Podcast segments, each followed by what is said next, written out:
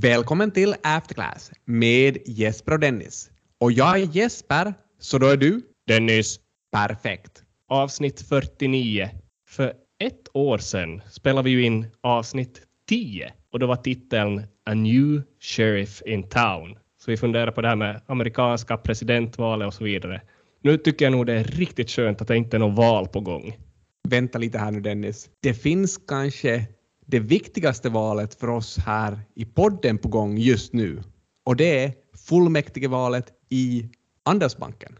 Jaha, ska det bli OP-val? Ja, och alla, inte alla, men de flesta olika andelsbanker har en fullmäktige som då väljs av Andelsbankens ägarkunder. Och om man är så lyckligt lottad som man är ägarkund hos Vasanedens Andelsbank, då har vi faktiskt kandidaten för er. Okej, behöver jag göra ett kandidattest för att hitta den här kandidaten? I det här fallet behöver ni inte göra något kandidattest, utan det är nummer 19 som gäller och kandidatens namn är Jesper Haga. Och hur ska man göra för att rösta?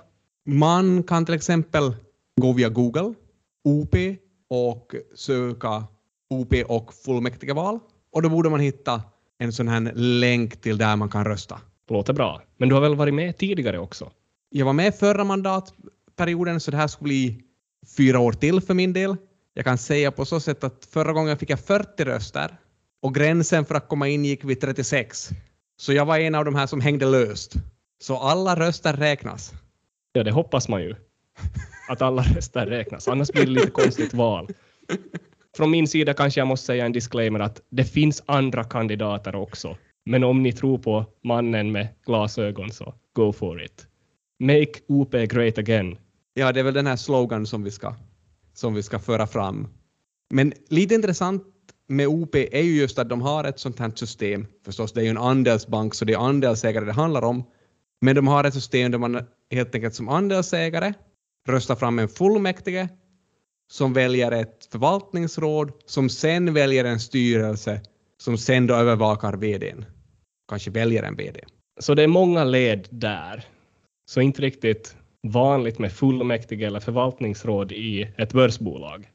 Alltså det är absolut, det är frågan om fullmäktige fyller ju absolut en uppgift i ett andelslag, men till exempel ett aktiebolag så kanske inte fullmäktige eller förvaltningsrådet har en så stor roll att spela, utan då kanske det är bolagsstämman som får utse styrelsen. Ett exempel i linje med det här är ju Lloyd, som vi har pratat om. De gjorde ju sig av med förvaltningsrådet nu när de gick till börsen. Så det kanske blir lite smidigare organisation. Med bara styrelse och VD blir det ju lättare. Styrelsen utser VDn och då övervakar VDn och kanske hjälper VDn. Men förhållandet är igen att styrelsen då står över VDn. Åtminstone så här i teorin.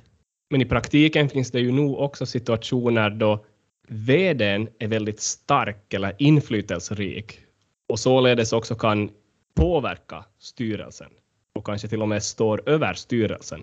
Ja, verkligen. Ibland kan ju förstås VDn vara en stor ägare av hela bolaget och på så sätt påverka styrelsen. Men ibland kan det också vara så helt enkelt att VDn har en sån position så att han är mer insatt i allting än styrelsen och på så sätt har ett sånt här kunskapsövertag gentemot styrelsen. Och ofta försöker ju VDar, kanske inte med flit, men så här indirekt hamna i en situation där de har inflytelsemöjligheter över styrelsen. Om vi tänker på finansiella teorier så är det de här finansiella teorierna som kallas agentteorier som behandlar just det här relationen då kanske inte mellan styrelse och ledningsgrupp utan då mellan kanske aktieägare och ledningsgrupp. Där ledarna är agenter och ägarna principaler. Och det finns förstås igen forskning kring det här. Och vi har ju till och med gjort lite forskning kring det här. Det stämmer ju. Vi kollar ju specifikt på sådana situationer då det finns en inflytelserik, stark VD gentemot styrelsen till exempel och hur det kan påverka de anställda. Och vi finner ju att de anställda egentligen får det bättre om man har en inflytelserik VD. Ja, specifikt kollar vi på arbetsskador i det där pappret eller studien. Så stark VD, mindre arbetsskador eller bättre arbetssäkerhet. Och hur ska vi förklara det här resultatet? Vad är mekanismen? Vi byggde väl de här argumenten just på den här agentteorin. Och det var tanken att VDn, en inflytelserik VD, försöker få privata fördelar. Och en sån här privat fördel kan ju vara att vara omtyckt av sina anställda. Och jag vet inte, det är ju inte på så sätt att låga arbetsskador kanske gör att man blir superomtyckt som VD. Men vi kan ju åtminstone säga att höga arbetsskador, eller många arbetsskador, gör ju åtminstone att du blir illa omtyckt. Det måste man hålla med om. Det finns ju en annan lite liknande studie av Kronqvist et al. som säger så här att anställda på företag med en mer inflytelserik VD får högre lön. Och det kanske man kan säga att anställda tycker om i alla fall. Bättre betalt. Kronqvist studerade också inflytelserika VD, men visst hade han något annat ord för de här VD, ett litet intressant engelskt ord? Ja, alltså vi, vi sa det i vår studie att det var powerful CEOs. Kronqvist sa det entrenched CEOs. Så att det är lite så här nedgrävda VDar, eller VDar som är svåra att göra sig av med. Men de här begreppen är ju inte exakt synonymer, men det leder ungefär till lite samma teorier eller relaterar till samma teorier. Men så där generellt, VDar i börsbolag är ju ganska lätta att göra sig av med, såvida de inte då har kontroll över styrelsen. Vi har ju ett ganska färskt exempel också från universitetsvärlden i Svenskfinland. Men där har vi väl inga VDar? Nej, där, där har vi ju kanske en ledargestalt som är rektorn. Så det finns väl i princip två finlandssvenska skolor med universitetsstatus i Finland. Vi har Hanken, så har Hanken just kickat ut sin rektor. Nej, där är ännu Karin still going strong. Så då måste det alltså vara ÅA jag pratar om. Så det är väl Moira som har fått gå. Och hon fick ju inte vara så länge rektor för Åbo Akademi heller. Det blev väl lite dryga två år. Och största delen av den här tiden var ju då under coronapandemin. Läsa lite tidningar här på sistone så någon studerande är helt i chock, chocktillstånd. Vad har hänt? Han vill veta mera. Anställda vid Åbo Akademi säger att ja, vi har väl nog kanske förstått sådär informellt att saker och ting har varit på gång, så att säga. För det var ju vid ett styrelsemöte nu då i, i dagarna då man kom fram till att Moira entledigas eller kickas. Jo, så det fungerar ju lika i universitetsvärlden att styrelsen utser rektorn. Men när det kom till bolag så var det ju ägarna som utsåg styrelsen. Och så är det ju inte riktigt i universitetsvärlden. Är det i universitetsvärlden är det ju lite oklart vem som ägarna egentligen är. Är det till viss del så att man kan tänka sig att staten är ju lite som en stor finansiär och en stor ägare, men kanske delvis lite passiv gällande att utse styrelse. Jo, för inte det är ju staten som utser styrelsen. Nej, det är väl lite mer att man får en, som anställd till exempel, får man en lista tillsänd sig att vill du ha den här eller den här eller den här i styrelsen som anställd representant. Jo, så det är väl just på det sättet att det är de anställda som utser styrelsen. Till stor del. Och det är väl det man har hört också angående Åbo Akademi, att det har varit anställda som har uttryckt sitt missnöje över Moira till styrelsen. Så det är lite som att ha missnöjda ägare i ett aktiebolag. Ja, om vi sa att den här Kronqvist-studien använde begreppet nedgrävda eller svåra att bli av med för VDar, så är det väl kanske i det här universitetsfallet eller Åbo Kemifallet att professorerna är svåra att bli av med. Men professorerna kan se till att rektorn får gå. Ja, men så är det väl. Att det är de här inflytelserika anställda är ju oftast då professorer. Men det är många som vill veta mer om det här. Vi vet inte mer om det här än någon annan. Men jag tyckte bara att hela den här strukturen passade på ett intressant sätt in med den här agentteorin också. Det tycker jag. Lite har man funderat varför inte telefonen har ringt desto mera. Vad menar du nu?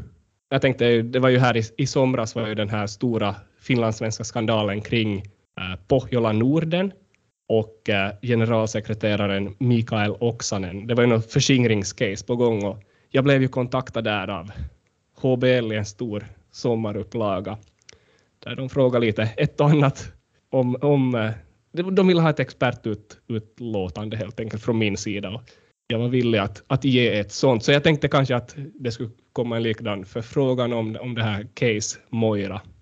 Men det kanske kom, kommer till jul eller någonting sånt. Har du någon gång hört om torkan? Alltså den här nyhetstorkan vi hade här i somras. ja, men det här, det här Pohjola Norden-caset, det var ändå rätt intressant att... Uh, ska jag berätta det lite kort? Ah, kort, kort. Alltså det handlar ju... I början var det ju så här att Mikael Oksanen, generalsekreterare, så inte riktigt VD där heller, men uh, lite liknande. Så han hade först, först kom det fram att lite grävande journalister hade kommit på att det saknades lite tusentals euro från det här Pohjola Norden. Och det hade tagits ut i kilometerersättningar och, och bilförmåner av den här Mikael Oksanen. Kanske inte helt korrekt.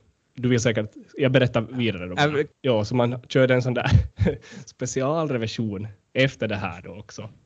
Så man först anar ugglor i mossen, sen kommer man på att förskingringen har varit kring 300 000 euro. Att den här Mikael Oksanen har, har äh, haft ett konto i den här föreningen som ingen har vetat om, förutom han själv.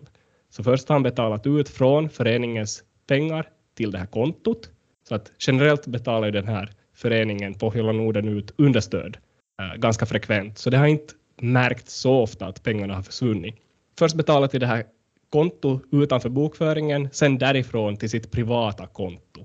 Så ganska intressant att ingen märkte det. Men tack, tack för den här informationen. Ja, och sen, sen var ju också att, att den här Helsingfors bor, borgmästare, den här Johanna Vartiainen, så han var ju styrelseordförande i Pohjola Norden. Och det har väl visat sig nu också att den här förskingringen uppgår till över 400 000 euro och den här Vartiainens underteckning har blivit förfalskad, kanske av Mikael Oksanen själv också. Så att bokslut har blivit undertecknade av styrelsen, även om inte styrelsen har godkänt saker och ting. Så att det känns som att jag skulle kunna berätta ganska mycket om, om det där caset. Så pratar vi nu om caset med Moira eller? Ja, ja, ja. Generellt sådana här finlandssvenska syltcase, härvor. Så du skulle vilja få lite det här ryktet om det att du är HBLs go-to-guy? Jag menar, jag var det i somras så jag kan ju vara det på hösten också. Det var några förfalskade underskrifter du pratade om här tidigare. Så det verkar ju inte som styrelsen riktigt har övervakat Oksanen. Alltså jag, I det här fallet har det väl varit till och med så att folk har inte vetat om att de sitter i den här styrelsen. Och då är det väl kanske lite svårt att övervaka. Men Oksanen fick gå. Han äh, kommer väl också att straffas för det här. Moira straffas väl inte på annat sätt än att hon tappar sin position. Hon får dock sex månaders avgångsvederlag eller sån här fallskärm som man brukar prata om. Jag ser ju inte riktigt hur de här båda situationerna påminner om varandra. Men i Oksanens fall är det ju klart att han har förstört ryktet för den här organisationen. Är det lika i Moiras fall? Man pratar väl i alla fall att Åbo Akademi har inte utvecklats åt det håll som man hade tänkt då man tillsatte henne. Men uh, ryktet är väl oftast en av de där viktigaste sakerna som inte får förstöras. Det är väl lite som Warren Buffett sa. Det var det väl kring den här Solomon Brothers-skandalen. Så han sa att if you lose money for the firm, I will be understanding. But if you lose a shred of reputation, I will be ruthless. Så ryktet är det viktigaste av allt. Så enligt honom verkar det ju inte som det är så farligt om man har en lite dålig kvartalsrapport eller missar något analytikerestimat lite. Nej, det kan ju vara en engångsföreteelse. Även om dåliga resultat i längden troligtvis kan ge en VD exempelvis kicken också. På tal om sån här kvartalsresultat och så vidare, så jag såg att Kone nu här på sistone hade utsetts till kvartals tre både earnings miss och revenue miss, eller miss earnings och miss revenue. Så det här är någonting positivt eller negativt? De hade vunnit båda titlarna alltså. Henrik Ernroth hade sett till att man hade kammat hem i den här misstävlingen både resultat och uh, försäljningsmissen. Det är en rolig rubrik bara, ansåg Men jag själv där. Jag gissar väl att det här handlar om hur mycket man har missat resultat och omsättningen. Så alltså hur mycket omsättningen skiljer sig från analytikernas förväntningar. Ja, det är alltså en negativ sak att bli utnämnd till Miss Earnings eller Miss Revenue. Så i Kones fall, försäljningen hade växt, men den var då lite mindre än analytikernas estimat. Resultatet var kring 326,5 miljon medan analytikerna sa 350. Så allting var lite mindre och det blev kvartal tre miss alltså för Kone. Men jag antar att Henrik sitter relativt säker ändå. Har man inte någon gång utsett en sån här Miss World också? Ja, du tänk, tänker du på den där Kinnunen och Koskela-artikeln, forskningsartikeln? Exakt den. De frågar väl frågan, vem är Miss World i Cosmetic Earnings Management, alltså lite sån här kosmetisk resultatstyrning? Och den här artikeln är väl Miss någonting positivt? Eller att man gör mera sån här resultatstyrning? Ja. Om det är positivt i din värld? Åtminstone associerat med mera. Handlar det lite om det där att en lite större siffra är lite bättre än en lite mindre siffra som slutar på 9. Så att om du kosmetiskt manipulerar upp en siffra som är, slutar på 9 så gör det att den siffran blir en nolla och den första siffran i sifferordningen blir en etta. Så att du får en lite, resultatet ditt kommer se lite bättre ut exempelvis. Ja, det är väl exakt det de studerar i den här artikeln. Det som är intressant med det här just du pratar om är att det finns ju faktiskt en sannolikhetsteori som säger vad är sannolikheten för att första siffran i ett tal ska vara en viss siffra. Ja, det är väl det här som kallas Benfords law. Yes, som då säger att sannolikheten för att första siffran ska vara en etta är ungefär 30 procent. Så om sannolikheten skulle vara samma för alla siffror 1 till 9 skulle det borde vara kring 11,1 procent sannolikhet. Men det är alltså inte så i de flesta nummerserier som är liksom genererade av någon process. Ja, eller inte vet jag om de flesta, utan en slumpmässig nummerserie så är det högst sannolikt att man har en etta först. Precis, och det är väl det där som de här Kinnunen och Koskela använder sig av för att identifiera då kosmetisk resultatstyrning. Så att det kosmetiska är alltså sånt som avviker från den här förväntade distributionen. Så om man bara tittar på den här fördöljningen av det första talet, så som vi sa, 30 procent ska vara ettor och endast 4,6 procent ska vara nior i en slumpmässig serie. Men det som man har sett då är kanske att det är ännu färre nior som är första siffran än just 4,6 procent. Och det är ännu oftare en etta som första siffran än i 30 procent av fallen. Så om man har en nia så gör man något litet till resultatet så att man får den här nian att byta till en etta. Alltså att nio blir tio. För det ser bättre ut. Men det var, det var studien. Har vi något resultat från den här studien av Kinnunen och Koskela? Ja, de säger att Miss World i Cosmetic Earnings Management är Spanien, eller kommer från Spanien. Hongkong och Singapore företag följer lite därefter. Sen omsvängt också att de som är minst Miss World så är Storbritannien och svenska företag.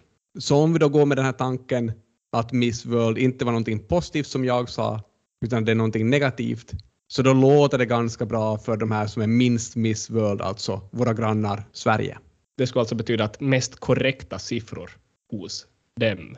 Och det här med Storbritannien, jag såg nyligen också eh, distributionen av första siffran i antalet covid-döda. Vi byter samtalsämne nu till lite mer hård fakta.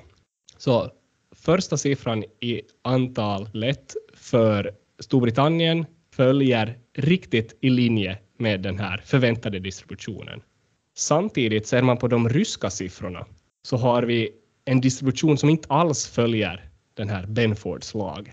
Om man förlitar sig på den här Benfords lag, eller Benfords lag, så tyder det här då på att siffrorna från UK är korrekta medan siffrorna från Ryssland har blivit manipulerade. Det skulle man kunna härleda härifrån, ja.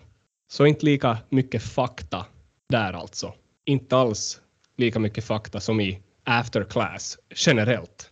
Och dagens avsnitt innehöll väl ett gediget paket nu igen. Så vi tar väl och packar ihop kappsäcken och, och fortsätter nästa vecka med nya insikter i after class.